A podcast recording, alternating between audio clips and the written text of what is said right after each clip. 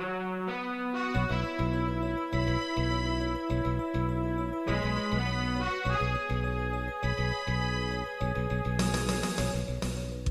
listening to Radio Free Asia. The following program is in Khmer.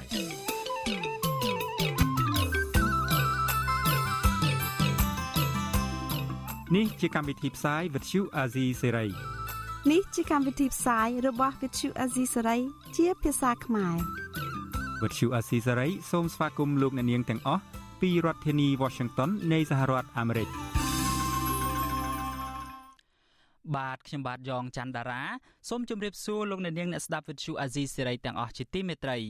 ខ្ញុំបាទសូមជូនកម្មវិធីផ្សាយសម្រាប់យប់ថ្ងៃអង្គារ3រោចខែភទ្របទឆ្នាំខាលចត្វាស័កពុទ្ធសករាជ2566ត្រូវនៅថ្ងៃទី13ខែកញ្ញាគ្រិស្តសករាជ2022 បាទជាដំបូងនេះសូមអញ្ជើញអស់លោកអ្នកនាងស្ដាប់ព័ត៌មានប្រចាំថ្ងៃ ដែលមានមេតិការដូចតទៅ thank you សាឡាវធរភ្នំពេញដំកល់សាលក្រមផ្ដន់ទោសកម្មជនគណៈបកប្រឆាំងជាង10នាក់ដាក់ពន្ធនាគារ5ឆ្នាំដដែលលោកហ៊ុនសែនថាទោះលោកឈប់ធ្វើនាយករដ្ឋមន្ត្រីក៏លោកនៅតែអាចបញ្ជានាយករដ្ឋមន្ត្រីបានដែរ អញ្ញាធររារាំងបរដ្ឋមានចំនួនដីធ្លីរាប់រយនាក់នៅខេត្តសៀមរាបមិនឲ្យចូលជួបលោកហ៊ុនសែនបាទវេទិកាអ្នកស្ដាប់វិទ្យុអាស៊ីសេរីនៅយប់នេះយើងនឹងពិភាក្សាអំពីមូលហេតុនៃការកើនឡើងនៃគ្រឿងញៀននៅកម្ពុជារួមនឹងព័ត៌មានសំខាន់សំខាន់មួយចំនួនទៀត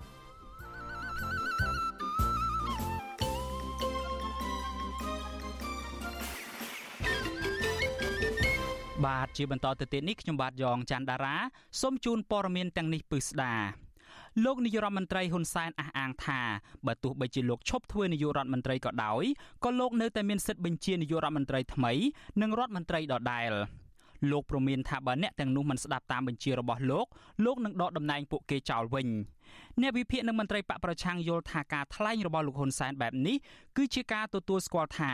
កូនប្រុសរបស់លោកគឺលោកហ៊ុនម៉ាណែតដែលជាបេក្ខជននាយករដ្ឋមន្ត្រីបន្តវេនពីឪពុកនោះគឺជាមនុស្សក្មេងខ្ចីគ្មានស្នាដៃទើបលោកហ៊ុនសែនឈរនៅពីក្រោយតាមការពីដូច្នេះបាទលោកយុនសាមៀនរាយការណ៍ព័ត៌មាននេះ ក្រុមអ្នកឃ្លាំមើលថាលោកហ៊ុនសែនទំនងនឹងលាឈប់ពីតំណែងនាយករដ្ឋមន្ត្រីដើម្បីប្រគល់តួនាទីនេះទៅឲ្យលោកហ៊ុនម៉ាណែតនៅពេលខាងមុខដ៏ខ្លីនេះទើបលោកហ៊ុនសែនថ្លែងជាញឹកញាប់ដែលមានទាំងការសរសើរនិងការប្រមានផងទៅបេក្ខជននាយករដ្ឋមន្ត្រីបន្ទាប់ពីលោកដូច្នេះពួកគេព្យាករថាលោកហ៊ុនសែនអាចនឹងផ្ទេរអំណាចទៅកូនប្រុសច្បងរបស់លោកគឺលោកហ៊ុនម៉ាណែតក្រោយការបោះឆ្នោតឆ្នាំ2023 មន្ត្រីជាន់ខ្ពស់នឹងជាអតីតសមាជិកសភាគណៈបកសង្គ្រោះជាតិលោកអ៊ុំសំអានយល់ថាលោកហ៊ុនសែនប្រកាសឈរពីក្រោយកូនប្រុសដើម្បីទប់កុំឲ្យមានការបះបោរនៅពេលលោកហ៊ុនម៉ាណែតដឹកនាំប្រទេសមន្ត្រីជាន់ខ្ពស់គណៈបកប្រឆាំងនេះលើកឡើងទៀតថាបើលោកហ៊ុនសែននៅតែមានឥទ្ធិពលលើការងារដឹកនាំប្រទេសបែបនេះរដ្ឋាភិបាលដែលដឹកនាំដោយកូនប្រុសរបស់លោក នៅតែមានការរំលោភសិទ្ធិមនុស្សនិងលទ្ធិប្រជាធិបតេយ្យដដែល លោកព្រួយបារម្ភថាពលរដ្ឋកម្ពុជានៅតែជួបការលំបាកហើយប្រទេសក៏គ្មានការរីកចម្រើននោះដែរជា មេបកហ្នឹងគឺដើម្បីតម្រង់ក្បាលអ្នកហ្នឹងគឺថាកូនគាត់ឬក៏អ្នកដែលមកដឹកនាំថ្មីហ្នឹងយុវជនដឹកនាំថ្មីហ្នឹងក៏ដោយងាកពីគោលនយោបាយរបស់បកដែលដឹកនាំរបៀបតាមរបៀបកុម្មុយនីសផ្ដាច់ការគោលរបស់គាត់ហ្នឹងមិនងាករេពីគោលនយោបាយរបស់គាត់ទេប៉ុន្តែគាត់ងាកទុកចិត្តអ្នកផ្សេងអ្នកអ្នកក្នុងបកហ្នឹងអាចធ្វើរដ្ឋប្រហារទម្លាក់កូនគាត់ឬក៏មានចំនួនផ្ទៃក្នុងណាមួយគាត់សម្របសម្រួលចំនួនផ្ទៃក្នុងហ្នឹងអញ្ចឹងបាត់គាត់នៅចង់ធ្វើប្រធានបកព្រោះគាត់យល់ថាកូនគាត់មិនអាចគ្រប់គ្រងសភាពការបានទេបើមិនជាគ្មានគាត់ជាប្រធានបកមន្ត្រីគណៈបកប្រឆាំងលើកឡើងដូចនេះធ្វើឡើងក្រោយពេលដែលលោកនាយករដ្ឋមន្ត្រីហ៊ុនសែនប្រកាសថាទោះលោកឈប់ធ្វើជានាយករដ្ឋមន្ត្រីប៉ុន្តែលោកនៅតែបន្តតួនាទីជាប្រធានគណៈបកប្រជាជនកម្ពុជាដដែលលោកហ៊ុនសែនថាតំណែងគណៈបកនេះអាចបញ្ជានាយករដ្ឋមន្ត្រី និងរដ្ឋមន្ត្រីបានដដែល បើទោះបីជាខ្ញុំចាក់ចេញពីតួនាទីជានាយករដ្ឋមន្ត្រីខ្ញុំនៅតែធ្វើប្រធានគណៈបកប្រជាជនដដែលខ្ញុំមានសិទ្ធិត្រួតពិនិត្យលើសកម្មភាពរបស់នាយករដ្ឋមន្ត្រីនិងរដ្ឋមន្ត្រីនេះនេះបើធ្វើមិនត្រូវដកចេញប្រធានបកដកចេញចប់និយាយចឹងតែអានេះត្រៀមត្រៀមបញ្ជាទៅលេកំងទៅនាយករដ្ឋមន្ត្រីតាមក្រោយហេធ្វើបកបោះឆ្នោតនៅកម្ពុជាគេបោះឲ្យប កព្រោះឲ្យបានបកទទួលបន្តទៅនាយករដ្ឋមន្ត្រីតែងតាំងនាយករដ្ឋមន្ត្រីលោកហ៊ុនសែនថ្លែងដូចនេះនៅក្នុងពិធីសម្ដែងសម្ណាលជាមួយប្រជាពលរដ្ឋដែលស្ម័គ្រចិត្តឬលំនៅឋានចេញពីតំបន់រមណីយដ្ឋានអង្គរនិងតំបន់ដទៃទៀតនៅខេត្តសៀមរាបនៅថ្ងៃទី13ខែកញ្ញាអ្នកវិភាគនយោបាយលោកកឹមសុខយល់ថាសាររបស់លោកហ៊ុនសែនជាការទទួលស្គាល់ថាលោកហ៊ុនម៉ាណែតដែលនឹងស្នងតំណែងពីលោកត្បិតតែមានសញ្ញាបត្របណ្ឌិតក្តី ប៉ុន្តែលោកហ៊ុនម៉ាណែតនៅតែមានភាពក្មេងខ្ចីទាំងការងារនយោបាយនិងការងារដឹកនាំប្រទេសជាពិសេសគ្មានលទ្ធភាពប្រកួតប្រជែងជាមួយគណៈបកប្រឆាំង នោះមានន័យច្បាស់ណាស់ថាអំណាចរបស់លោកហ៊ុនម៉ាណែតអាចឈរជើងនឹងបានយូរក្នុងករណីតែមួយគត់គឺធ្វើតាមរបៀបឪពីព្រោះហ៊ុនម៉ាណែតមិនអាចទៅធ្វើជានាយករដ្ឋមន្ត្រីដោយមានការគ្រប់គ្រងពីគណៈបកប្រជាជនកម្ពុជា និងប្រជាពលរដ្ឋខ្មែរបានទេ គឺជាអំណាចដែលឪពុកជួយប្លន់ឲ្យម្ល៉េះហើយទាល់តែប្រើវិធីគៀបផ្ទៃក្នុងផងហើយនឹងគៀបគូប្រជែងនយោបាយពីគណៈបកផ្សេងផ្សេងទៀតក្រៅរដ្ឋាភិបាលផងនេះជាលើកទី2ហើយដែលលោកហ៊ុនសែនអះអាងថាលោកនៅតែមានអធិបុលទោះលោកមិនអង្គុយកៅអីនាយករដ្ឋមន្ត្រីក្តីកាលពីថ្ងៃទី23ខែសីហាលោកហ៊ុនសែនបានប្រាប់ទៅកូនប្រុសរបស់លោកថាបើលោកហ៊ុនម៉ាណែតមិនដើរតាមគន្លងរបស់លោកទេនឹងត្រូវគណៈបកប្រជាជនកម្ពុជាទាត់ចេញពីមុខតំណែង លោកហ៊ុនម៉ាណែតត្រូវបានគណៈបកប្រជាជនកម្ពុជាគាំទ្រធ្វើជាបេក្ខភាពនាយករដ្ឋមន្ត្រី បន្ទាប់ពីលោកហ៊ុនសែនកាលពីថ្ងៃទី24ខែធ្នូឆ្នាំ2021ខ្ញុំយុនសាមៀនវុទ្ធុអាស៊ីសេរីប្រធានាទីវ៉ាស៊ីនតោន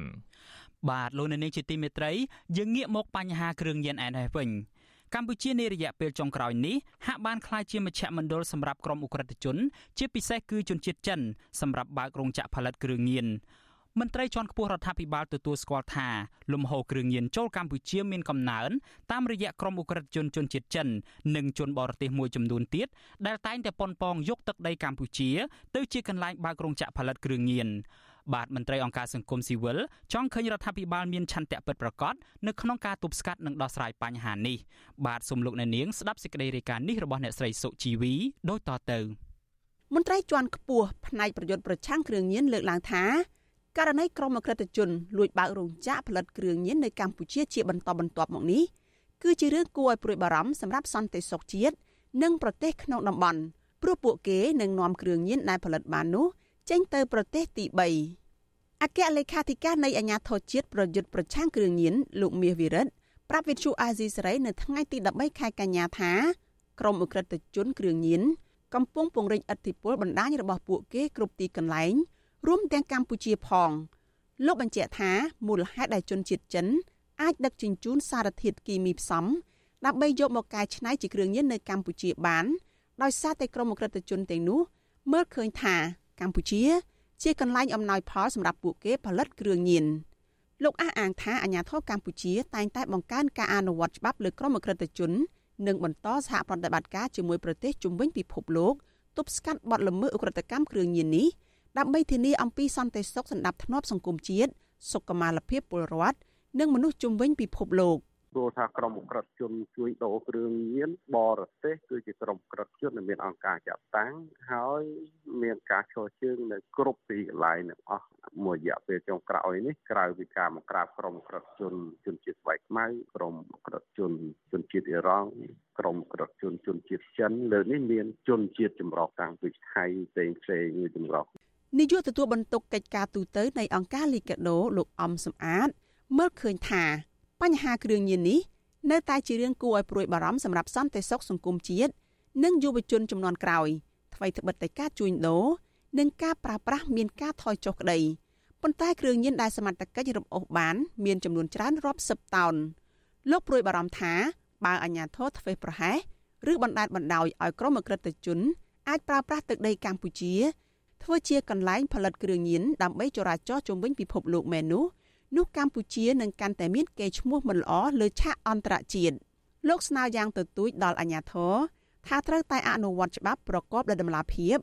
និងតាមស៊ើបអង្កេតរកមេខ្លាំងធំធំយកមកផ្ដន្ទាទោសឲ្យបានធ្ងន់ធ្ងរតាមច្បាប់ ហើយអ្វីដែលសំខាន់អាជ្ញាធរអ្នកដែលពាក់ព័ន្ធទាំងអស់ត្រូវនៅឆ្ងាយអំពីបញ្ហាគ្រឿងញៀនជាពិសេសអាជ្ញាធរដែលជាអ្នកបង្ក្រាបគ្រឿងញៀននឹងដាច់ខាតត្រូវនៅឆ្ងាយពីគ្រឿងញៀនកងកម្លាំងប្រដាប់អាវុធទាំងអស់ប្រជាបរិវត្តទាំងអស់យើងទាំងអស់គ្នានៅឲ្យឆ្ងាយពីគ្រឿងញៀនអានឹងគឺ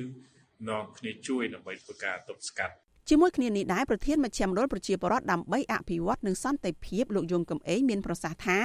ការបណ្តែតបណ្តោយរបស់អាជ្ញាធរបណ្ដាលឲ្យក្រុមអក្រិតជនអាចបើករោងចក្រផលិតគ្រឿងញៀននៅកម្ពុជាបាន គឺជាការប្រឈមកាន់តែខ្លាំងដល់សហគមន៍ជាពិសេសក្រុមយុវជនចំនួនក្រោយលោកយល់ថាបារដ្ឋាភិបាលពិតជាមានឆន្ទៈ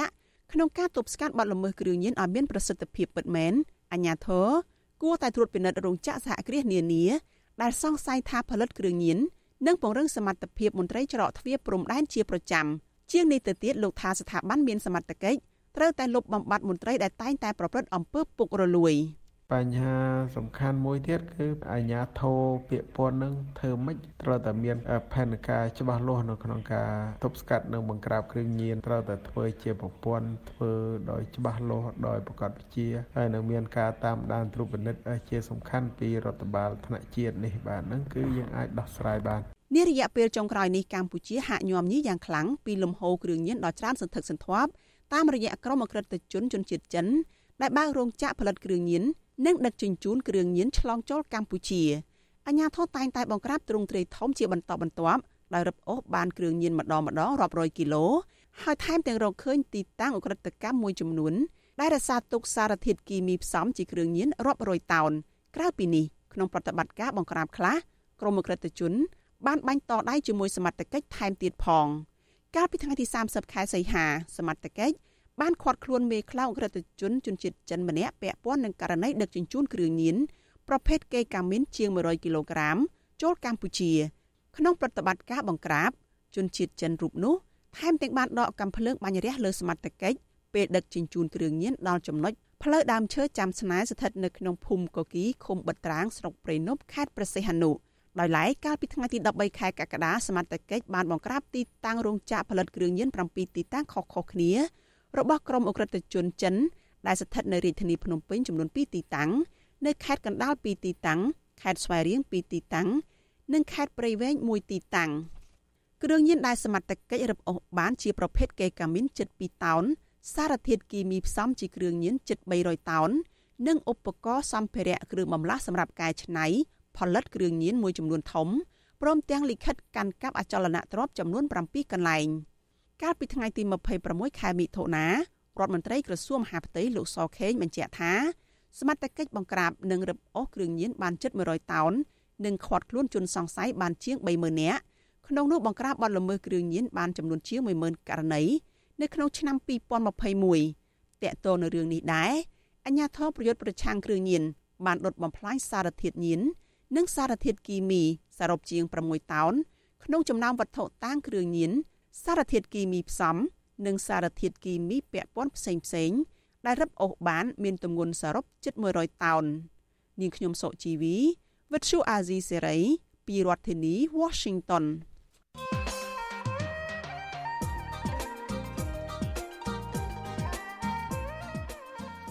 បាទលោកអ្នកនាងជាទីមេត្រីប៉ុន្មានឆ្នាំចុងក្រោយនេះការចរាចរណ៍គ្រឿងញៀននៅកម្ពុជា មានសន្ទុះកាន់តែខ្លាំងបើទោះបីជារដ្ឋាភិបាល មានការទប់ស្កាត់យ៉ាងណាក្តី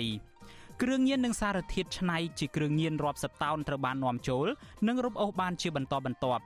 ជាឧទាហរណ៍នៅក្នុងរយៈពេល3ខែដើមឆ្នាំ2022នេះសមត្ថកិច្ចចាប់បានគ្រឿងញៀនជាង3តោនដែលតួលេខនេះកើនឡើង19ដងបើធៀបទៅនឹងរយៈពេលដូចគ្នាកាលពីឆ្នាំ2021 តើហេតុអ្វីបានជាគ្រឿងញៀនបន្តរីករាលដាលខ្លាំងខ្លាំងបែបនេះ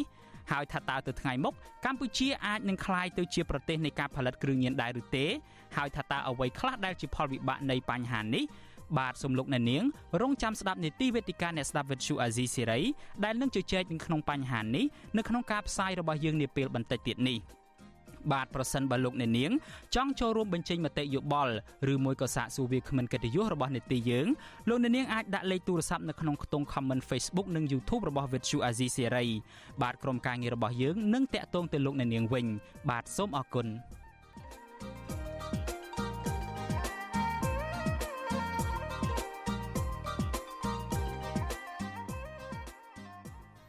បាទលោកអ្នកនាងជាទីមេត្រីយើងងាកមករឿងក្តីក្តាំនៅតុលាការឯនេះវិញក្រុមគ្រួសារនិងវេទិកាការពារក្តីនិងមន្ត្រីសិទ្ធិមនុស្សចាត់ទុកសេចក្តីសម្រេចរបស់សាឡាវធរភ្នំពេញទៅលើសំណុំរឿងសកម្មជនគណៈបកសង្គ្រោះជាតិជាង10នាក់នេះថាជារឿងអយុត្តិធម៌ចំពោះអ្នកដែលអនុវត្តសិទ្ធិសេរីភាពក្នុងសង្គមប្រជាធិបតេយ្យ បាទការរិះគន់បែបនេះគឺបន្ទាប់ពីតុលាការជាន់ខ្ពស់មួយនេះនៅថ្ងៃទី13ខែកញ្ញាបានសម្រេចដំកល់សាលក្រមរបស់តុលាការក្រុងភ្នំពេញទុកជាបានការដដែលបាទសំលោកអ្នកនាងស្ដាប់សេចក្តីរាយការណ៍នេះរបស់លោកសេកបណ្ឌិតដូចតទៅប្រធានក្រុមជំនុំជម្រះនៃសាលាដំបងរាជធានីភ្នំពេញនៅថ្ងៃទី13ខែកញ្ញាបានបើកសវនាការជំនុំជម្រះ ដោយសម្ដេចដំកល់សាលក្រមរបស់សាលាដំបងរាជធានីភ្នំពេញដែលផ្ដន់ទាទោសសកម្មជនគណៈបកប្រឆាំងជាង10នាក់ឲ្យជាប់គុក5ឆ្នាំដោយតម្រូវឲ្យអនុវត្តទោស3ឆ្នាំ8ខែដដែលក្នុងសំណុំរឿងរួមគំនិតក្បត់និងញុះញង់តាក់ទងនឹងការបង្កើតចលនាសង្គ្រោះជាតិនៅក្រៅប្រទេសរបស់លោកសំរាំងស៊ីកាលពីឆ្នាំ2018 ក្រមគ្រួសារនិងមេធាវីការពារក្តីឲ្យសកម្មជនទាំងនោះចាត់ទុកការសម្រេចរបស់សាលាឧទ្ធរភ្នំពេញ គឺជារឿងមិនត្រឹមត្រូវ និងមិនអាចទទួលយកបានឡើយប្រពន្ធសកម្មជនគណបកសង្គ្រោះជាតិនៅខេត្តស្វាយរៀងដែលកំពុងជាប់ពន្ធនាគារត្រពាំង plong លោកយឹមសារ៉េត គឺលោកស្រីអុកចន្ទធីសោកស្ដាយជាខ្លាំងចំពោះការដំកល់សាលក្រមផ្ដន់ទាទោសប្តីរបស់លោកស្រី និងសកម្មជនបកប្រឆាំងផ្សេងទៀតដែលជាមនុស្សស្អាតស្អំ។ លោកស្រីចាត់ទុកការសម្រេចនាពេលនេះគឺជារឿងអយុត្តិធម៌ហើយបង្ហាញកាន់តែច្បាស់ថាប្រព័ន្ធតុលាការមិនឯករាជ្យដែលស្ថិតនៅក្រោមបញ្ជារបស់អ្នកនយោបាយតាការស្រុកខ្មែរមិនថាតឡាការជនទៀបឬតឡាការជនខ្ពស់ទេ គឺគាត់ស្ដាប់តាបញ្ជាអ្នកនយោបាយបើអ្នកនយោបាយបញ្ជាថាមិនអោយដោះលែងគឺមិនដោះលែងទេតឡាការអយុត្តិធម៌បំផុតបើសិនជាតឡាការយកបាប់ នីតិរដ្ឋយកមកអនុវត្តហើយតឡាការឯករាជ្យម្លេះសំគ្រូក្រុមគ្រួសារពួកខ្ញុំមិនមែនជាប់ឃុំដល់ថា2ឆ្នាំជាងទេគឺមិនមានទោសអ្វីទាល់តែសោះលោកស្រីអុកចន្ទធីបញ្ជាក់ថាទោះបីក្រុមគ្រួសារសកម្មជននយោបាយទាំងអស់មិនព្រមទទួលយកភាពអយុត្តិធម៌ពីស្ថាប័នតុលាការក៏ដោយក៏ពួកលោកស្រីនៅតែបដិញ្ញាចិត្ត បន្តធ្វើសកម្មភាពស្វែងរកយុទ្ធធររហូតដល់មានការដោះលែងប្តីរបស់លោកស្រីឲ្យមានសេរីភាពឡើងវិញចំណែកមេធាវីការពីក្តីឲ្យសកម្មជនគណៈបកប្រឆាំងលោកសំសកុងខកចិត្តចំពោះការសម្រេចរបស់តុលាការដែលមិនបានផ្ដល់យុត្តិធម៌ដល់កូនក្តីរបស់លោក ពីព្រោះពួកគាត់ពុំបានប្រព្រឹត្តអំពើល្មើសច្បាប់អ្វីឡើយលោកលើកឡើងថា បើផ្អែកលើអង្គហេតុនិងភ័ស្តុតាងកន្លងមក ការសម្រេចរបស់តុលាការ គឺមិនសមហេតុសមផលក្នុងការផ្ដន់ទាទោសកម្មជនទាំងនោះទេទោះយ៉ាងណាលោកនឹងដាក់ពាក្យបណ្ដឹងសាលទុកករណីនេះទៅតុលាការកំពូលក្នុងពេលឆាប់ឆាប់ខាងមុខនេះដើម្បីរកយុត្តិធម៌ជូនកូនក្តីរបស់លោកជាបន្តទៀត។ ទន្ទឹមនឹងនេះមេធាវីការពីក្តីឲ្យសកម្មជនគណៈបកប្រឆាំងរូបនេះស្នើសុំទៅដល់អគ្គនាយកដ្ឋានពន្ធនាគារនៃក្រសួងមហាផ្ទៃឲ្យពិចារណាក្នុងការបញ្ជូនកូនក្តីរបស់ខ្លួនពីពន្ធនាគារត្រពាំង plong ត្រឡប់មកពន្ធនាគារព្រៃសរវិញ ដោយសារពួកគេជួបបញ្ហាសុខភាព និងរងទុក្ខលំបាកនៅទីនោះគាត់តែប្រកាសតម្កល់សារក្រមទុក ជាបានការនេះគឺក្រមមេធាវីការពីមានការខកចិត្តដោយសារការប្រកាសនេះគឺมันបានផ្ដល់ភាពយុត្តិធម៌ដល់ឲ្យកូនក្រីដោយសាររឿងនេះវាពាក់ព័ន្ធនឹងសំណុំរឿងនយោបាយហើយមកដល់ពេលនេះពួកគាត់ម្នាក់ម្នាក់ហ្នឹងសិតតែបានអះអាងថាមិនបានប្រព្រឹត្តការចោទកម្មទេ ការប្រកាសសាលដីកានៅពេលនេះមានការចូលរួមឃ្លាំមើលពីតំណាងទូតប្រទេសប្រជាធិបតេយ្យក្រមអង្គការសង្គមស៊ីវិលក្រមមេធាវីការពារក្តី និងសាច់ញាតិរបស់ជនជាប់ឃុំជាង20នាក់ ជាមួយគ្នានោះដែរឆ្មាំពន្ធនាគារបានដឹកជនជាប់ឃុំ4នាក់តាមរថយន្តរួមមានលោកសុនធុនលោកសុកចន្ទថាលោកជុំច័ន្ទលោកខឹមភាណា និងអតីតមន្ត្រីក្រសួងមហាផ្ទៃដែលស្ថិតនៅក្នុងសំណុំរឿងតែមួយដោយឲ្យពួកគាត់ចូលរួមស្ដាប់ការសម្រេចរបស់តុលាការដែរចំណែកឯសកម្មជន8នាក់ទៀតដែលអវត្តមាននៅក្នុងបន្ទប់ប្រកាសសាលដីកាវិញ ដោយសារតែពួកគេមានបញ្ហាសុខភាពដែលមិនបានដឹកចេញពីពន្ធនាគារត្រពាំង plong ខេត្តត្បូងឃ្មុំស្ថិតនៅជាប់ព្រំដែនវៀតណាមមកពន្ធនាគារព្រៃសរបានទេរីឯខាងក្រៅរបងតុលាការវិញគ្រួសារនិងសាច់ញាតិរបស់សកម្មជនគណៈបកប្រឆាំងជាច្រើនអ្នកបានលើកបដារូបថតប៉ុន្តែមិនមានការប៉ះទង្គិចគ្នាជាមួយនឹងក្រុមប៉ូលីសក្រមសន្តិសុខស្លៀកពាក់ឯកសន្តាននិងស៊ីវើដែលបានដាក់ឃ្លាំមើលនៅខាងក្រៅរបងតុលាការនោះទេ មកទល់នឹងពេលនេះមានសកម្មជនគណៈបកប្រឆាំងនិងអ្នករិះគន់រដ្ឋាភិបាលជាង60នាក់ទៀតកំពុងជាប់ឃុំនៅក្នុងពន្ធនាគារដោយសារតែការអនុវត្តសិទ្ធិសេរីភាពរបស់ខ្លួនពួកគាត់ភ័យច្រើនត្រូវបានអាជ្ញាធរចាប់ឃុំខ្លួនជាបន្តបន្ទាប់កាលពីដើមឆ្នាំ2020តុលាការបានចោទប្រកាន់ពួកគេដោយដូចគ្នា ពីបទរួមគំនិតក្បត់ញុះញង់ឲ្យយោធិនមិនស្ដាប់បង្គាប់ញុះញង់ឲ្យប្រព្រឹត្តបទអក្រិតជាអាត និងញុះញង់ឲ្យមានភាពវឹកវរធ្ងន់ធ្ងរដល់សន្តិសុខសង្គមជាដើមកាលពីខែមីនាសាលាដំបងរាជធានីភ្នំពេញបានផ្ដន់ទាសទោសពួកគេជាបន្តបន្ទាប់ឲ្យជាប់ពន្ធនាគារចន្លោះពី5ឆ្នាំទៅ7ឆ្នាំប៉ុន្តែសកម្មជននយោបាយទាំងនោះតម្រូវឲ្យអនុវត្តទោស3ឆ្នាំ8ខែដោយទោសនៅសល់ត្រូវព្យួរវិទ្យុអាស៊ីសេរីនៅពុំទាន់អាចតាក់ទងแนะនាំពាក្យសាលាឧទ្ធរភ្នំពេញដើម្បីបញ្ជាក់ជុំវិញរឿងនេះបានទេ នៅថ្ងៃទី13ខែកញ្ញា ជុំវិញរឿងនេះអ្នកនាំពាក្យសមាគមការពារសិទ្ធិមនុស្សអាត6លោកសង្សានករណា មានប្រសាសន៍ថា លោកមិនចម្លែកនោះទេ ចំពោះការសម្រេចរបស់តុលាការ ពីជាន់ទាបរហូតដល់ជាន់ខ្ពស់ដោយសារសំណុំរឿងក្តីក្តាមនេះគឺជារឿងនយោបាយលោកមើលឃើញថាសកម្មភាពរបស់សកម្មជនគណៈបកប្រឆាំងកន្លងមក បានអនុវត្តសិទ្ធិនយោបាយរបស់ខ្លួនក្នុងសង្គមប្រជាធិបតេយ្យដោយមិនមែនជាការរំលោភច្បាប់នោះទេ បើសិនជាកម្ពុជាយើងចង់រួចផុតអំពីការរិះគន់ពីការថ្កោលទោសនានាពីសហគមន៍អន្តរជាតិអំពីការរំលោភបំពានទៅលើសិទ្ធិរបស់អ្នកនយោបាយរំលោភបំពានទៅលើគោលការណ៍សេរីរបស់សង្គមលទ្ធិប្រជាធិបតេយ្យគួរតែមានការបញ្ចប់នៅការធ្វើទុកបុកម្នេញទាំងការប្រើប្រាស់ ប្រព័ន្ធតឡាការទៅលើសកម្មជនគណៈបកប្រឆាំងទាំងការគម្រាមកំហែងផ្សេងផ្សេងយើងគួរតែបញ្ចប់វាទៅហើយចាប់ផ្ដើមបើកនៅលំហហើយស្ដារនៅលទ្ធិប្រជាធិបតេយ្យហើយនឹងការគោរពសិទ្ធិមនុស្សសិទ្ធិនយោបាយអីហ្នឹងនឹងទាំងអស់នឹងឡើងវិញទៅកាលពីចុងខែសីហាអ្នករាយការណ៍ពិសេសអង្គការសហប្រជាជាតិប្រចាំនៅកម្ពុជាលោកវិទិតមុនតបន ថ្លែងក្រោយពេលបិទបញ្ចប់ដំណើរបេសកកម្មរបស់លោកនៅកម្ពុជា ដោយផ្ដោតសំខាន់លើការស្នើសុំឲ្យរដ្ឋាភិបាលកម្ពុជាពន្យាការកែតម្រង់ប្រព័ន្ធតុលាការដើម្បីការពារសិទ្ធិសេរីភាពរបស់ប្រជាពលរដ្ឋនិងត្រូវដោះលែងសកម្មជនគណៈបកនយោបាយដែលកំពុងជាប់ឃុំឲ្យមានសេរីភាពឡើងវិញជាមួយគ្នានោះលោកក៏អំពាវនាវដល់រដ្ឋាភិបាលកម្ពុជាឲ្យបើកលំហសេរីភាពសង្គមស៊ីវិលនិងនយោបាយក្នុងនោះ ក៏រាប់បញ្ចូលទាំងការលុបចោលនិងការកែតម្រង់ច្បាប់នានាដែលរដ្ឋបិទសិទ្ធិសេរីភាពរបស់ប្រជាពលរដ្ឋផងដែរខ្ញុំបាទសេកបណ្ឌិតវុទ្ធុអាស៊ីសេរីពីរដ្ឋធានីវ៉ាស៊ីនតោនបាទលោកអ្នកនាងជាទីមេត្រីក្រោយស្លាវធរប្រកាសសាលក្រមនេះដែរ ប្រពន្ធសកម្មជនគណៈបកសង្គ្រោះជាតិទាំងជាង10នាក់បានប្រមូលផ្ដុំគ្នានៅមុខព្រះអង្គដងកើខាងមុខព្រះបរមរាជវាំងដើម្បីធ្វើពិធីកោសក់ដល់ប្រពន្ធសកម្មជនគណៈបកសង្គ្រោះជាតិ2នាក់គឺប្រពន្ធរបស់លោកញ៉ែមវៀនលោកស្រីពៅសារ៉ននិងប្រពន្ធលោកយឹមសារ៉េតគឺលោកស្រីអុកចន្ទធីនៅក្នុងពិធីកោសក់នេះ ក្រុមប្រពន្ធសកម្មជនគណៈបកសង្គ្រោះជាតិបានបួងសួងសុំឲ្យព្រះអង្គដងកើបន្ទន់ចិត្តដល់ថ្នាក់ដឹកនាំរដ្ឋាភិបាល និងតុលាការដោះលែងប្តីរបស់ពួកគាត់ឲ្យមានសេរីភាពវិញពីព្រោះពួកគាត់មិនបានប្រព្រឹត្តអំពើក្បត់ជាតិឬក៏ញុះញង់អ្វីនោះឡើយប្រពន្ធរបស់លោកយឹមសារ៉េតគឺលោកស្រីអុកចន្ទធីប្រាប់វិទ្យុអាស៊ីសេរីថាការកោសក់របស់លោកស្រីនេះគឺចង់បញ្ជាក់ថាទាំងប្តីរបស់លោកស្រីនិងលោកស្រីផ្ទាល់បានលះបង់ទ្រព្យធននិងការងារជាច្រើនដើម្បីជួយដល់ប្រទេសជាតិ លោកស្រីអុកចន្ទធីបន្ថែមថាការកោសក់នេះក៏មានគោលបំណងស្នើសុំឲ្យរដ្ឋមន្ត្រីក្រសួងមហាផ្ទៃ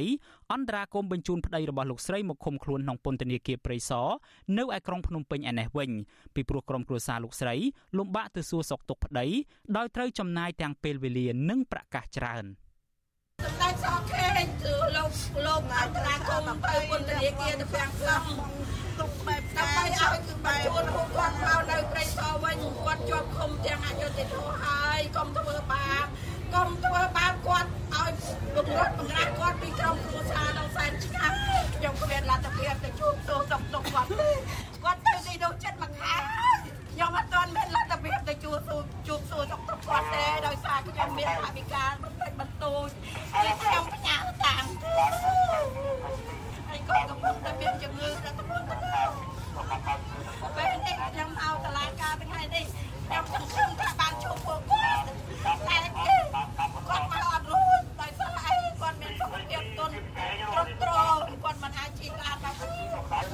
បាទលោកនាងជាទីមេត្រីគិតមកដល់ថ្ងៃនេះក្រមស្ត្រីថ្ងៃសុកចំនួន7នាក់ហើយដែលបានកោសក់ស្នើសុំឲ្យរដ្ឋាភិបាលលោកហ៊ុនសែនដោះលែងសកម្មជនគណៈបកសង្គ្រោះជាតិឲ្យមានសេរីភាពវិញនៅក្នុងនោះមានដូចជាប្រពន្ធរបស់លោកកកុម្ភាប្រពន្ធរបស់លោកសុនថុននិងប្រពន្ធរបស់លោកសុកចន្ទថាជាដើមបើទោះបីជាក្រមស្ត្រីថ្ងៃសុកទាំងនេះធ្លាប់ប្រឈមទៅនឹងអំពើហិង្សានិងការគំរាមកំហែងពីសំណាក់អាជ្ញាធរយ៉ាងណាក្តីក៏ពួកគាត់នៅតែបង្ហាញគោលជំហរថា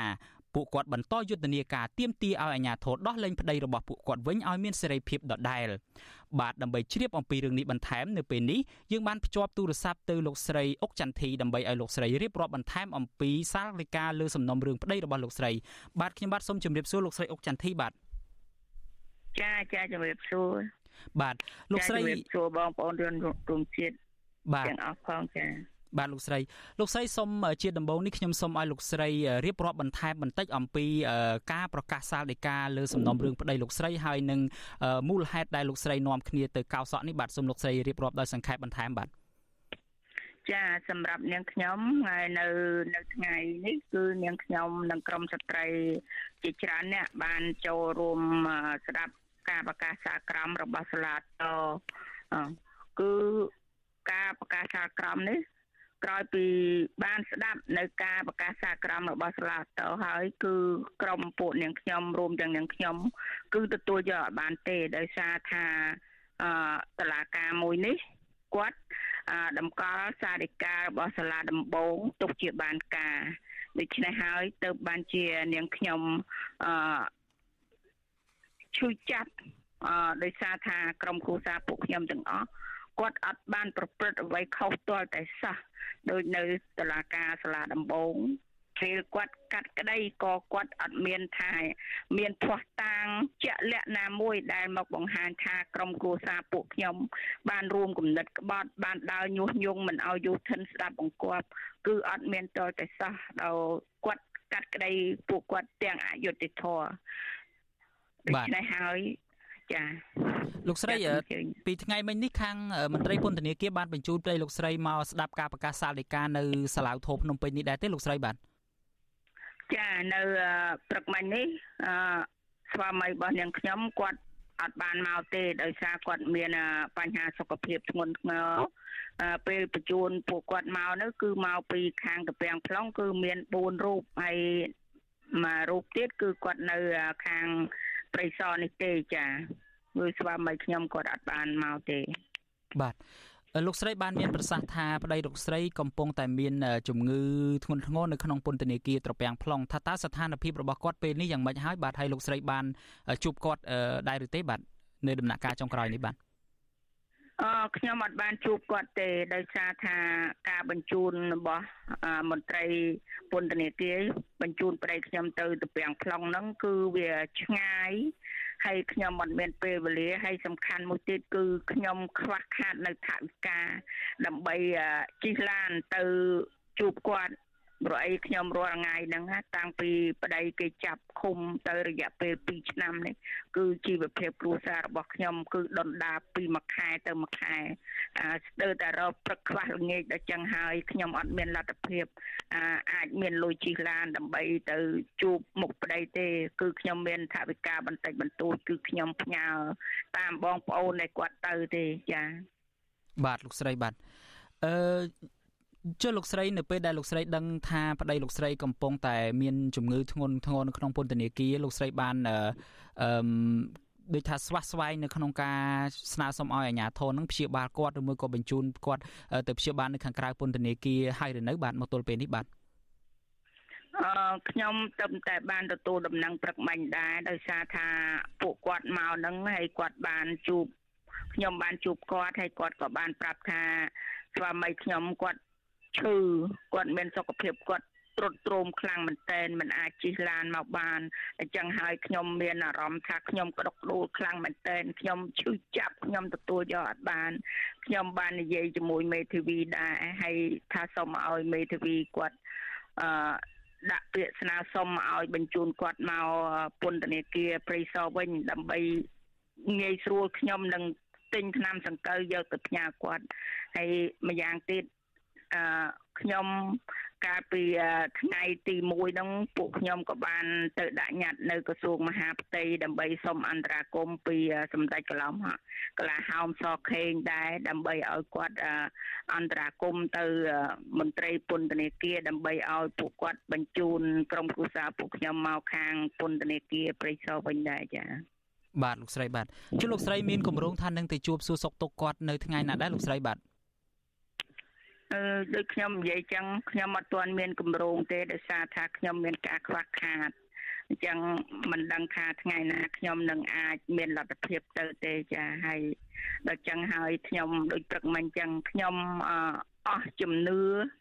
លើប្រព័ន្ធតឡាការទាំងតឡាការថ្នាក់ថ្នាក់ក្រោមនិងតឡាការជាន់ខ្ពស់ គឺគាត់អយុត្តិធម៌គាត់មិនមិនបានដោះលែងក្រុមគ្រួសារពួកខ្ញុំឬក៏កាត់បន្ធូរបន្ថយទោសយ៉ាងណាគឺគាត់នៅរក្សាអសាធិការរបស់សាលាដំបងដដែលចឹងហើយខ្ញុំទទួលយកគាត់បានទៅក្រុមគ្រួសារពួកខ្ញុំអស់ជំនឿលើប្រព័ន្ធតឡាការទៅបានងាកទៅរក ធ្វើពិធីបួងសួងតាមពុទ្ធសាសនាវិញចា៎បាទលោកស្រីបាទ ឥឡូវនេះខ្ញុំចង់ងាកមកលើទៅលើការកោសក់របស់លោកស្រីវិញអឺនៅពេលដែលលោកស្រីមានប្រសាសន៍ថាมันមានជំនឿទេទេទៅលើប្រព័ន្ធតឡាការពីព្រោះថាតឡាការថ្នាក់ក្រោមនិងថ្នាក់ខ្ពស់ហ្នឹងគឺសុទ្ធតែសម្រាប់តម្កល់សារក្រមផ្ដន់ទោសហ្នឹងហើយលោកស្រីជឿជាក់ទេថាតើការដែលបន់ស្រន់តាមរបៀបអបិយជំនឿនេះនឹងអាចបន្ទន់ចិត្តថ្នាក់ដឹកនាំរដ្ឋាភិបាលឬមួយក៏ចៅក្រមតឡាការនឹងឲ្យងាកមកសម្រេចក្តីដោយយុត្តិធម៌វិញលោកស្រីមានជំនឿក្នុងកម្រិតណាដែរបាទ ចាព្រោះអីការកោសក់បួងសួងហ្នឹងគឺបើយើងគោរពព្រោះអីនៅប្រទេសយើង គឺកាន់សាសនាគ្រប់បូជាសាសនាដែលចឹងហើយខ្ញុំតែងតែជឿលើជំនឿដែលចឹងទៅទៅពួកខ្ញុំទាំងអស់គ្នា ទៅកោសក់នៅព្រះអង្គដងកៅនឹងគឺដើម្បីសុំឲ្យឲ្យព្រះអង្គបន្ទាន់ចិត្តអ្នកកាន់អំណាចនឹងឲ្យគាត់ងាកមក គ្រប់មនុស្សគ្រប់លទ្ធិជាធិបតេយ្យហើយឲ្យតឡាការនឹងឯករាជ្យដើម្បីឲ្យដោះលែងឬក៏បន្ធូរបន្ថយទោសក្រុមគ្រួសារពួកខ្ញុំឲ្យគាត់ឆាប់មានសិទ្ធិសេរីភាពឡើងវិញចា៎បាទលោកស្រីលោកស្រីក្រៅតែពីការបួងសួងស្នើសុំបែបអបិយជំនឿនេះថាតើលោកស្រីនឹងពិភាក្សាជាមួយមេធាវីដើម្បីដំណើរការក្តីនឹងយ៉ាងម៉េចតទៀតលោកស្រីបាទទៅថ្ងៃមុខនោះបាទ ចាខ្ញុំក៏បានពិភាក្សាជាមួយមេធាវីដែរហើយមេធាវីក៏គាត់បាននិយាយថាគាត់នឹងទៅពិភាក្សាជាមួយកូនក្តីទាំងអស់អឺ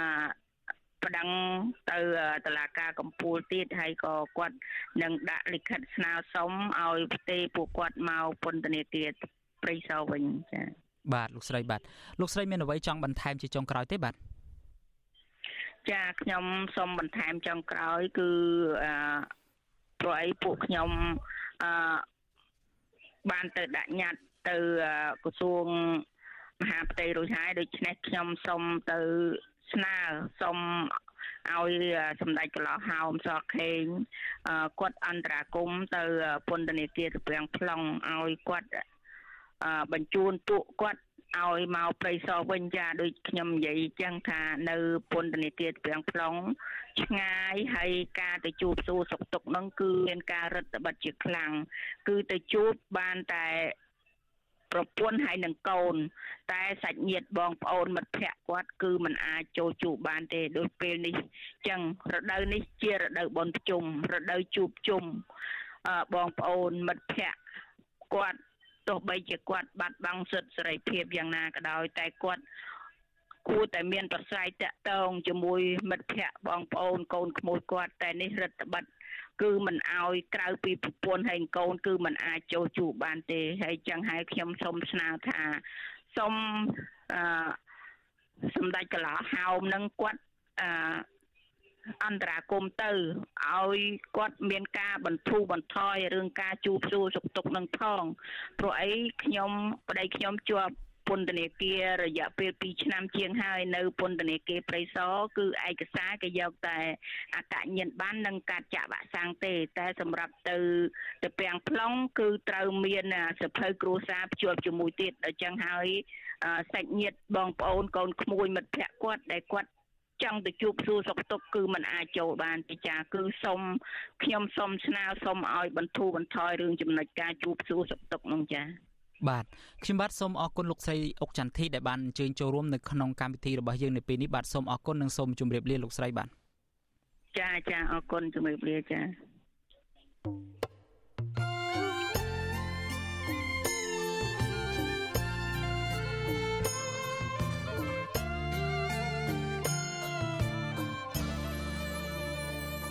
បាទលោកអ្នកនាងជាទីមេត្រីយើងងាកមករឿងវិវាទដីធ្លីឯនេះវិញប្រជាពលរដ្ឋមានចំនួនដីធ្លីនៅក្នុងស្រុកបន្ទាយស្រីខេត្តសៀមរាបអះអាងថាអាញាធរបានហាមឃាត់មិនឲ្យពួកគាត់ចូលជួបលោកនាយករដ្ឋមន្ត្រីហ៊ុនសែនដើម្បីស្នើសុំឲ្យលោកជួយដោះស្រាយបញ្ហាដីធ្លីរ៉ាំរ៉ៃ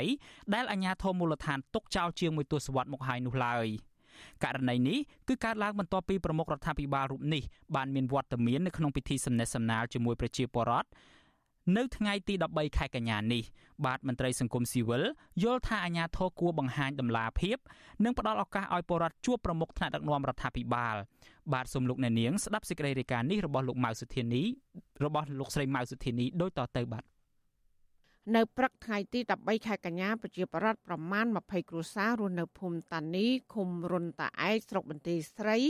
ដែលមានចំនួនដីធ្លីជាមួយនឹងអាជ្ញាធរអប្សរាអស់រយៈពេលជាង10ឆ្នាំមកហើយនោះបាននាំគ្នាទៅជួបលោកនាយករដ្ឋមន្ត្រីហ៊ុនសែនដើម្បីស្នើសុំកិច្ចអន្តរាគមន៍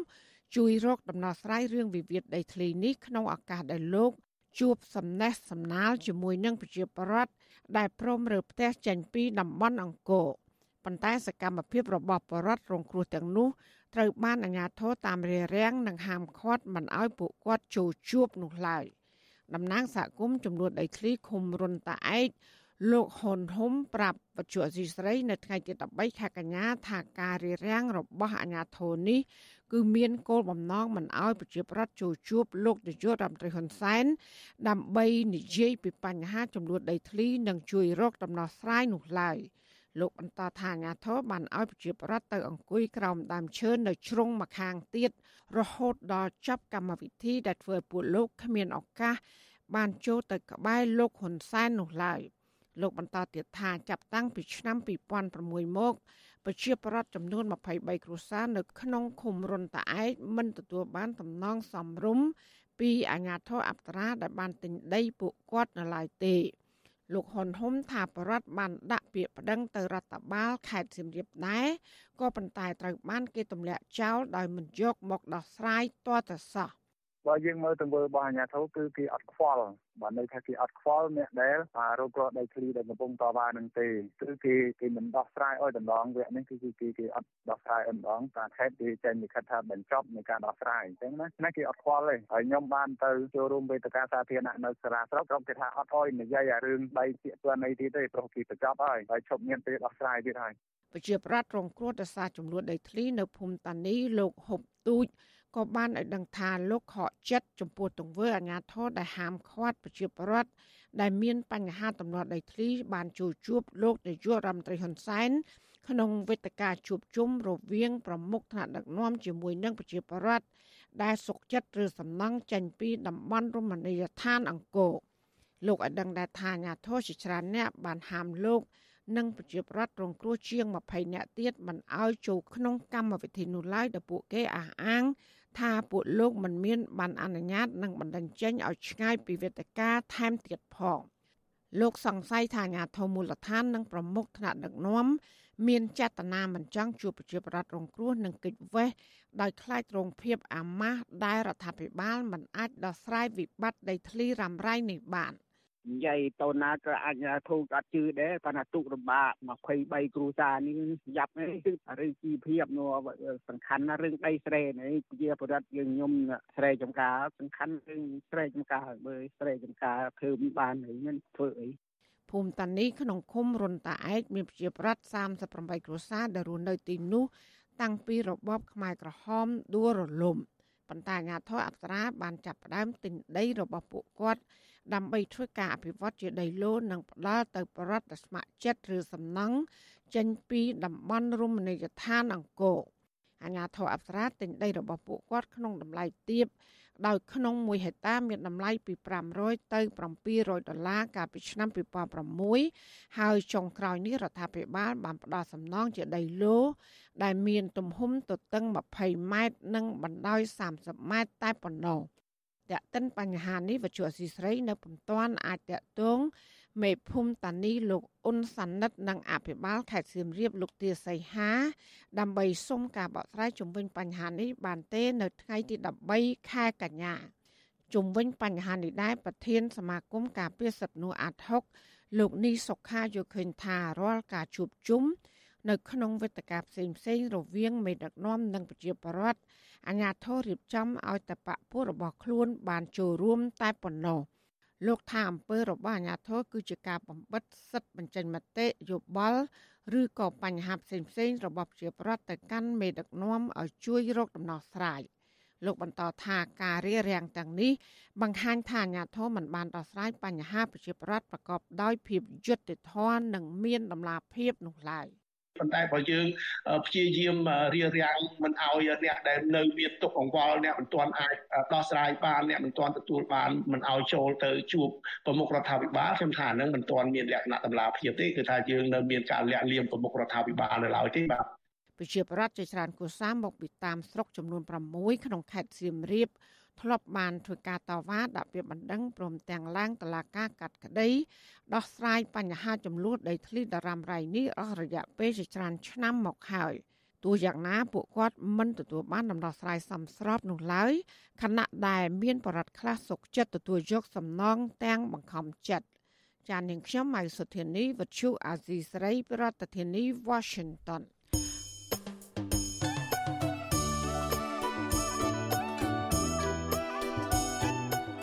បាទលោកអ្នកនាងជាទីមេត្រីដំណើរគ្នានឹងការស្ដាប់ការផ្សាយរបស់ Vuthu Azizi Series តាមរយៈបណ្ដាញសង្គម Facebook និង YouTube លោកអ្នកនាងក៏អាចស្ដាប់ Vuthu Azizi Series តាមរយៈរលកធាតុអាកាសខ្លីឬ Shortwave តាមកម្រិតនិងកម្ពស់ដូចតទៅនេះបាទពេលព្រឹកចាប់ពីម៉ោង5កន្លះដល់ម៉ោង6កន្លះតាមរយៈរលកធាតុអាកាសខ្លី12140 kHz ស្មើនឹងកម្ពស់ 25m និង13715 kHz ស្មើនឹងកម្ពស់ 22m ពេលយប់ចាប់ពីម៉ោង7កន្លះដល់ម៉ោង8កន្លះតាមរយៈរលកធាតុអាកាសខ្លី9960 kHz ស្មើនឹងកម្ពស់ 30m 12140 kHz ស្មើនឹងកម្ពស់ 25m និង11885 kHz ស្មើនឹងកម្ពស់ 25m បាទលោកអ្នកនាងជាទីមេត្រីតកតងទៅនឹងបញ្ហាជនជាតិដើមភាគតិចឯណោះវិញជនជាតិដើមភាគតិចជាច្រើនគ្រួសាររស់នៅក្នុងភូមិចំនួន12ជាប់ព្រំប្រទល់ប្រទេសវៀតណាមនៅក្នុងខេត្តរតនគិរី បន្តចោទប្រកាន់ក្រុមហ៊ុនសម្បទានសេដ្ឋកិច្ចរបស់វៀតណាមហួងអាញ់យ៉ាឡាយថាបំពេញកិច្ចសន្យាវិនិយោគជាមួយរដ្ឋាភិបាលដោយរំលោភដីធ្លីរបស់ពួកគាត់ម្ដងហើយម្ដងទៀតនៅតំបន់ព្រៃអភិរក្សដីព្រៃច្រប់ ដីព្រៃកប់សពនិងលុបអូធម្មជាតិព្រមទាំងឈូសឆាយកំទេចភ្នំអស់ជាច្រើនកន្លែងបាទអ្នកភូមិរាប់ពាន់គ្រួសារដែលរងគ្រោះដោយសារគម្រោងវិនិយោគខ្នាតធំនេះនៅតែរងចាំអាជ្ញាធរដោះស្រាយបញ្ហានេះជាង10ឆ្នាំមកហើយបាទលោកអ្នកនាងនឹងបានស្ដាប់សេចក្តីរាយការណ៍នេះពឺស្ដានៅក្នុងកម្មវិធីផ្សាយរបស់យើងនៅព្រឹកស្អែកបាទលោកអ្នកនាងទើបតែបានស្ដាប់ព័ត៌មានប្រចាំថ្ងៃដែលជម្រាបជូននៅខ្ញុំបាទយ៉ងច័ន្ទដារាសូមលោកអ្នកនាងរងចាំនេតិវេទិកាអ្នកស្ដាប់វិទ្យុអាស៊ីសេរី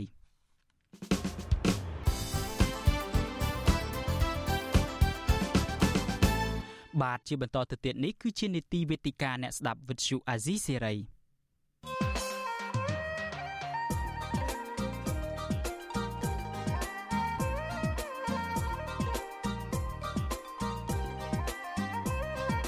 វេទិកាអ្នកស្ដាប់វិទ្យុអាស៊ីសេរី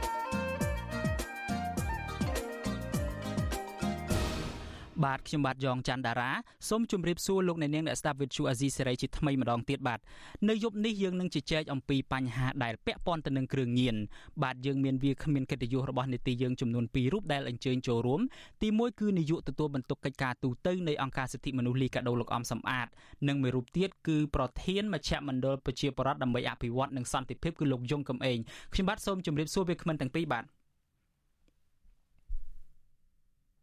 បាទយើងបានឃើញរូបភាពនិងមិនទាន់ឮសំឡេងរបស់វាគ្មិនទាំងពីរទេប៉ុន្តែយើងនឹងអាចចាប់ផ្ដើមកិច្ចសន្ទនារបស់យើងបានក្នុងពេលនេះហើយបាទបាទលោកអ្នកនាងជាទីមេត្រីនៅក្នុងរយៈពេលប្រមាណឆ្នាំចុងក្រោយនេះដោយលោកអ្នកនាងបានជ្រាបស្រាប់ហើយថាការចរាចរណ៍និងលំហូរគ្រឿងញៀននៅកម្ពុជាគឺមានការកើនឡើងខ្លាំងមែនទែនបើទោះបីជាការបដិញ្ញាចិត្តមានការបដិញ្ញាចិត្តបង្ក្រាបពីសំណាក់រដ្ឋាភិបាលនិងអាជ្ញាធរយ៉ាងណាក្តីបាទគ្រឿងញៀននិងសារធាតុគីមីដែលកែច្នៃទៅជាគ្រឿងញៀនរាប់រយរាប់ពាន់តោនត្រូវបានរកឃើញនិងរឹបអូសជាបន្តបន្ទាប់ ហើយយើងអាចលើកជាឧទាហរណ៍មួយគឺនៅក្នុងរយៈពេល3ខែនៃដើមឆ្នាំ2022នេះគឺសមត្ថកិច្ចបង្ក្រាបគ្រឿងញៀនបាន3តោនចាប់បានគ្រឿងញៀនជាង3តោនដែលតួលេខនេះគឺកើនឡើង19ដងបើធៀបទៅនឹងរយៈពេលដូចគ្នាកាលពីឆ្នាំ2021នេះគឺយើងនិយាយតែទៅលើគ្រឿងញៀនទេបាទមិនទាន់និយាយអំពីសារធាតុគីមីដែលគេយកទៅផ្សំជាគ្រឿងញៀនដែលអាជ្ញាធររឹបអូសបានរាប់រយតោននោះទេបាទ ហើយយើងនឹងជជែកថាតើហេតុអ្វីបានជាកម្ពុជាយើងដើរមកដល់ចំណុចនេះហើយថាតើយើងអាចមានដំណោះស្រាយយ៉ាងណាដើម្បីឲ្យបញ្ហាគ្រឿងញៀននេះអាចមានការធូរស្បើយបាទបាទឥឡូវនេះខ្ញុំចង់ចាប់ផ្ដើមសំណួរទៅលោកអំសំអាតមុនខ្ញុំចង់បានការចាប់អារម្មណ៍បន្តិចពីលោកអំសំអាតថាតើលោកកត់សម្គាល់យ៉ាងណាដែរចំពោះបញ្ហានៃការលំហូរគ្រឿងញៀននៅកម្ពុជាក្នុងស្ថានភាព2 3ឆ្នាំចុងក្រោយនេះបាទបាទសូមអរគុណបាទ អឺតាមការកត់សម្គាល់របស់ខ្ញុំវាមានពីរទី1គឺលំហូរនៃ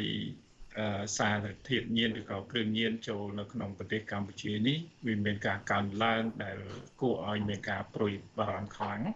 អឺពីមុនឡើយយើងឃើញថាការបង្ក្រាបឬក៏ការទប់ស្កាត់ទៅលើបញ្ហាគ្រឿងញៀននេះ គឺភាគច្រើនគឺមានចំនួនថ្នាំញៀនហ្នឹង វាតិចក៏ប៉ុន្តែមនុស្សដែលត្រូវបង្ក្រាបនិងចាប់ខ្លួននឹងច្រើនយ៉ាងហើយបានយើងឃើញថាប្រហែលឆ្នាំចុងក្រោយនេះពន្ធនាគារមានការកើនឡើងនៃអ្នកជាប់ឃុំសន្ទុះខ្លាំងដោយសារតែការបង្ក្រាបនិងការចាប់ដោយពាក់ព័ន្ធនឹងបញ្ហាគ្រឿងញៀនប៉ុន្តែរយៈពេលប្រហែលខែឬក៏មួយឆ្នាំចុងក្រោយនេះយើងឃើញថាបញ្ហាបង្ក្រាបនិងការចាប់ខ្លួនហ្នឹង ចាប់ខ្លួនមនុស្សហ្នឹងវាថយចុះទេចំនួនប៉ុន្តែ ចំនួននៃគ្រឿងញៀនហ្នឹងវាមានការកើនឡើងគឺជាជារឿងមួយដែលចាប់បានច្រើនគីឡូបាទរាប់រយរាប់តោនមកដល់ឥឡូវគឺដល់តោននោះមិនមែនរាប់រយគីឡូទេហើយការបង្ក្រាបទៀតសោតយើងឃើញថាមានរោងចក្រដែលផលិតសារធាតុញៀនក៏ដូចជាការនាំចូលនិងការឆ្លងកាត់ដោយអឺ សារធាតុញៀននឹងច្រើនបាទអានេះគឺជាចំណុចមួយដែលមានការបារម្ភខ្លាំងហើយតកតងនឹងបញ្ហានេះអង្គការជាតិអន្តរជាតិជាច្រើនហើយនឹងសហគមន៍អន្តរជាតិក៏មានការព្រួយបារម្ភហើយគេបានរំលឹកឲ្យកម្ពុជាយើងមានការទប់ស្កាត់និងបង្ក្រាបឲ្យមានប្រសិទ្ធភាពទៅលើបញ្ហាគ្រឿងញៀននេះពីព្រោះយើងដឹងហើយថា បញ្ហាគ្រឿងញៀននេះទី1បើសិនជាចរាចរណ៍ច្រើនហើយ មានការប្រើប្រាស់ច្រើនអញ្ចឹងស្ទាប់យុវជននឹងហើយដែលរងគ្រោះមុនគេគឺត្រូវបំផ្លាញដោយគ្រឿងញៀនអញ្ចឹងបំដូចជាបំផ្លាញធនធានមនុស្សសម្រាប់កម្ពុជាយើងនឹងផងដែរហើយអ្វីដែលសំខាន់គឺមានបញ្ហាវិបត្តិធ្ងន់ធ្ងរសម្រាប់សង្គមជាតិយើងតទៅថ្ងៃអនាគតផងដែរបាទ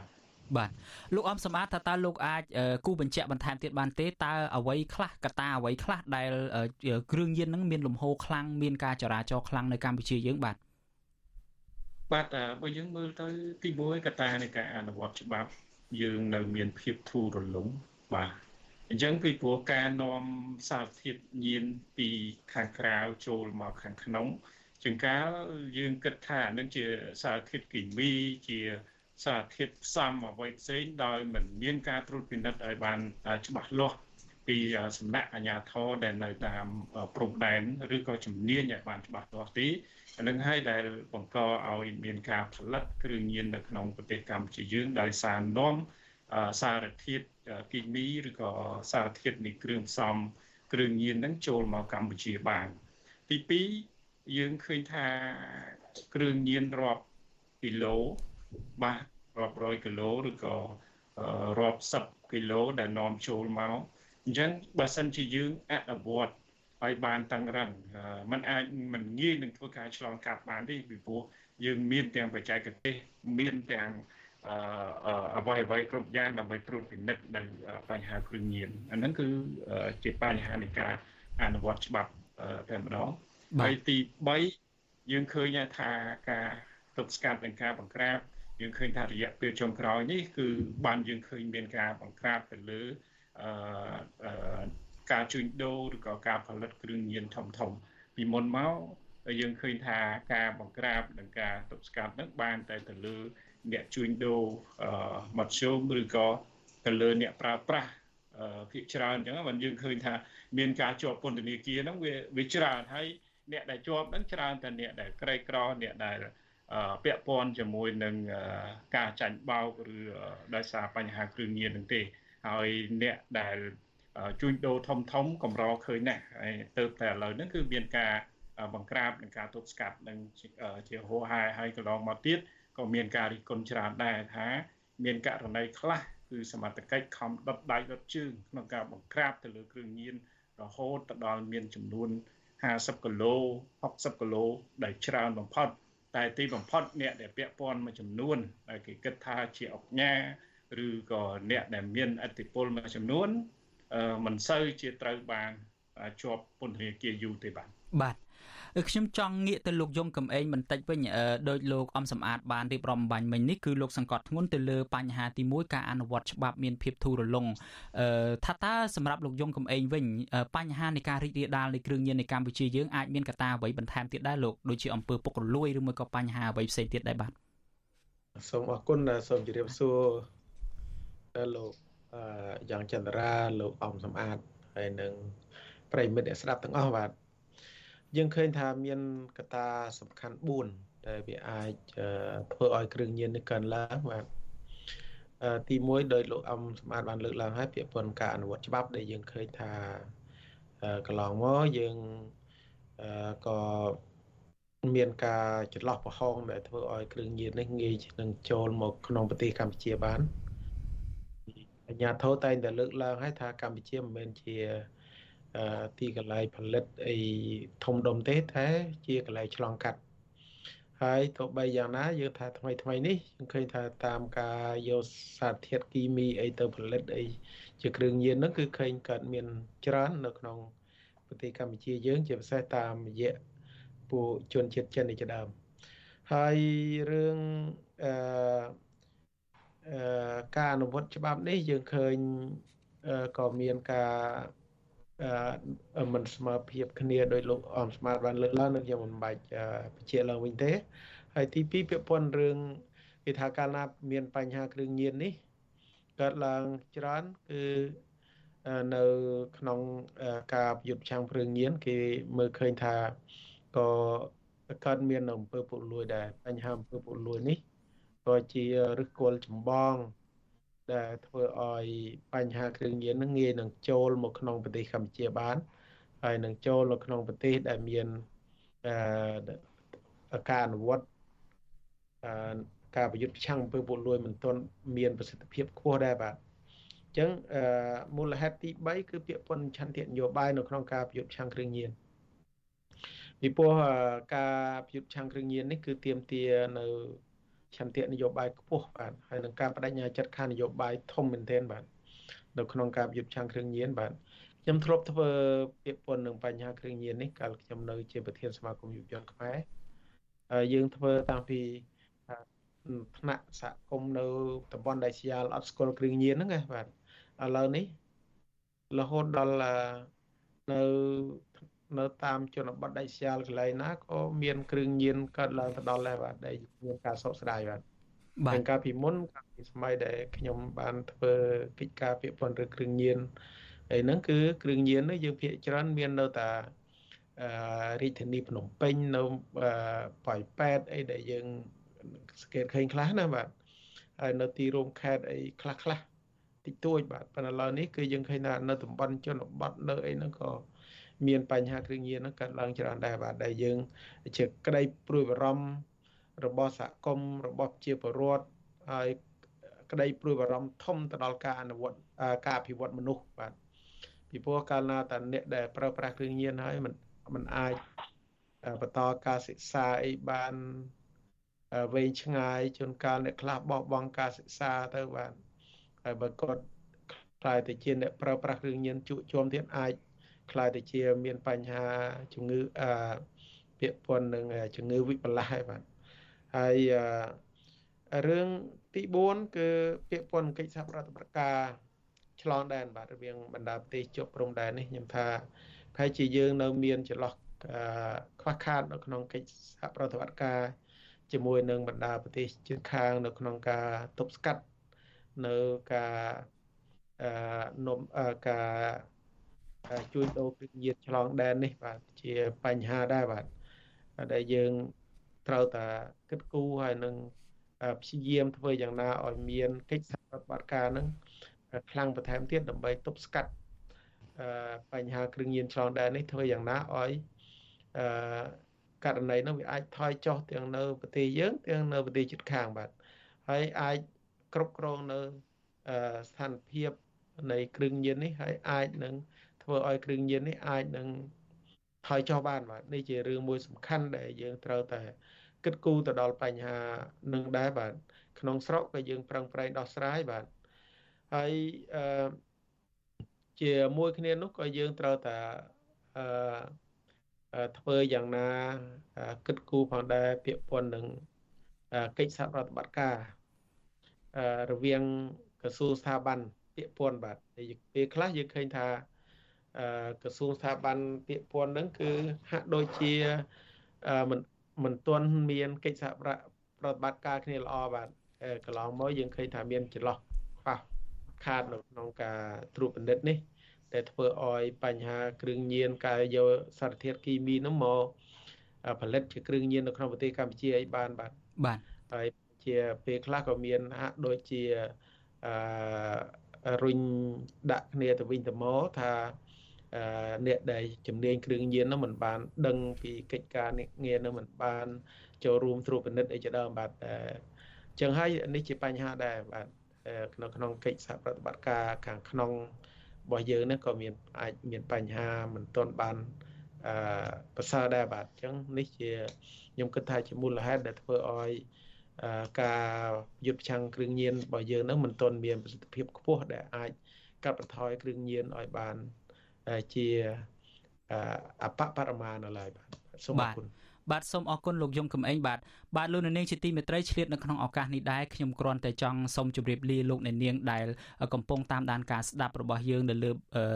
រលកធាតុអាកាសខ្លីឬ short wave នៅម៉ោង8:30នាទីបន្តិចទៀតនេះលោកនាងនឹងមិនលឺការផ្សាយរបស់យើងទេបាទប៉ុន្តែលោកនាងដែលតាមដានការផ្សាយរបស់យើងតាមរយៈបណ្ដាញសង្គម Facebook និង YouTube សូមបន្តទៀតជាមួយនឹងយើងបាទ បាទលោកអ្នកនាងជាទីមេត្រីប្រសិនបើលោកអ្នកនាងចង់ចូលរួមបញ្ចេញមតិឬមួយក៏សាកសួរវាគ្មិនកិត្តិយសរបស់នេតិយើងមានលោកអំសំអាតលោកយងកំឯង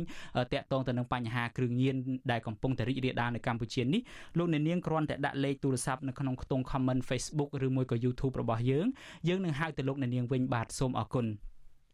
បាទលោកជុំកំឯងបានមានប្រសាសន៍ទៅលើទស្សនវិជ្ជា5ទី1គឺតកតងទៅនឹងការអនុវត្តច្បាប់ធូររលុងមានបញ្ហាពាក់ព័ន្ធនឹងអំពើពុករលួយកង្វះឆន្ទៈនយោបាយកិច្ចសហកិច្ចសហប្រតិបត្តិការជាមួយប្រទេសជិតខាងហើយនឹងកិច្ចសហ ការផ្ទៃក្នុងដែលលោកគិតថាជាកត្តាដែលនាំឲ្យគ្រឿងញៀននេះនៅតែរីករាលដាលខ្លាំងនៅត្រង់ចំណុចនេះខ្ញុំមានសម្រងសម្ដីមួយរបស់លោកសខេងដែលលោកបានថ្លែងនៅក្នុងខែមករាឆ្នាំ2022នេះគឺទៅលើលំហូរនៃការដែលគ្រឿងញៀនឆ្លងចូលមកកម្ពុជារាប់រយតោននេះបាទហើយប្រហែលជាឆ្លុះបញ្ចាំងអំពីអ្វីដែលលោកយងកំឯងកំពុងតែមានប្រសាសន៍ហើយនេះបាទសូមលោកអ្នកនាងទស្សនាคลิปវីដេអូនេះដូចតទៅបាទជាសារធាតុញៀនដែលគេបានផ្សំហើយ តែយើងចាប់បានរាប់រយគីឡូថ្ងៃថាពាន់គីឡូប៉ុន្តែណោះអាគ្រឿងញៀនសារធាតុដែលគេយកទៅផ្សាយផ្សំគ្រឿងញៀនបាន ចូលមកកម្ពុជា ដោយស្របច្បាប់ មានរហូតទៅដល់រាប់រយតោនដែលថ្មីថ្មីនេះ3ថ្ងៃមុននេះរកឃើញជាង100តោនអញ្ចឹងសួរថាអ្នកណាទទួលខុសត្រូវ អ្នកណាទទួលខុសត្រូវក្នុងការនាំសារធាតុញៀននឹងមកខ្ញុំគិតថាទៅរកឲ្យឃើញអ្នកទទួលខុសត្រូវព្រោះនាំព្រះសញ្ញេអនុញ្ញាតឲ្យគេយកចូលមកបាទ លោកអំសមានតើតើលោកអំសមានអាចឆ្លើយបានទេបាទអ្នកណាជាអ្នកទទួលខុសត្រូវរឿងនាំសារធាតុគ្រឿងញៀនកែច្នៃឯនឹងរាប់រយតោនចូលមកកម្ពុជានេះបាទបាទអឺតែក៏ពិតទៅកន្លែងនេះគឺអឺប្រហែលជាចង់សម្ដៅទៅលើអាជ្ញាធរដែលពាក់ព័ន្ធនៅក្នុងអឺការទប់ស្កាត់និងការបង្ក្រាបជាពិសេសគឺតាមច្រកព្រំដែនទាំងអស់ហ្នឹងថាហេតុអីបានគ្រឿងញៀនទាំងអស់នេះ ចូលមកកម្ពុជាបានអញ្ចឹងការអ្នកដែលមានទូ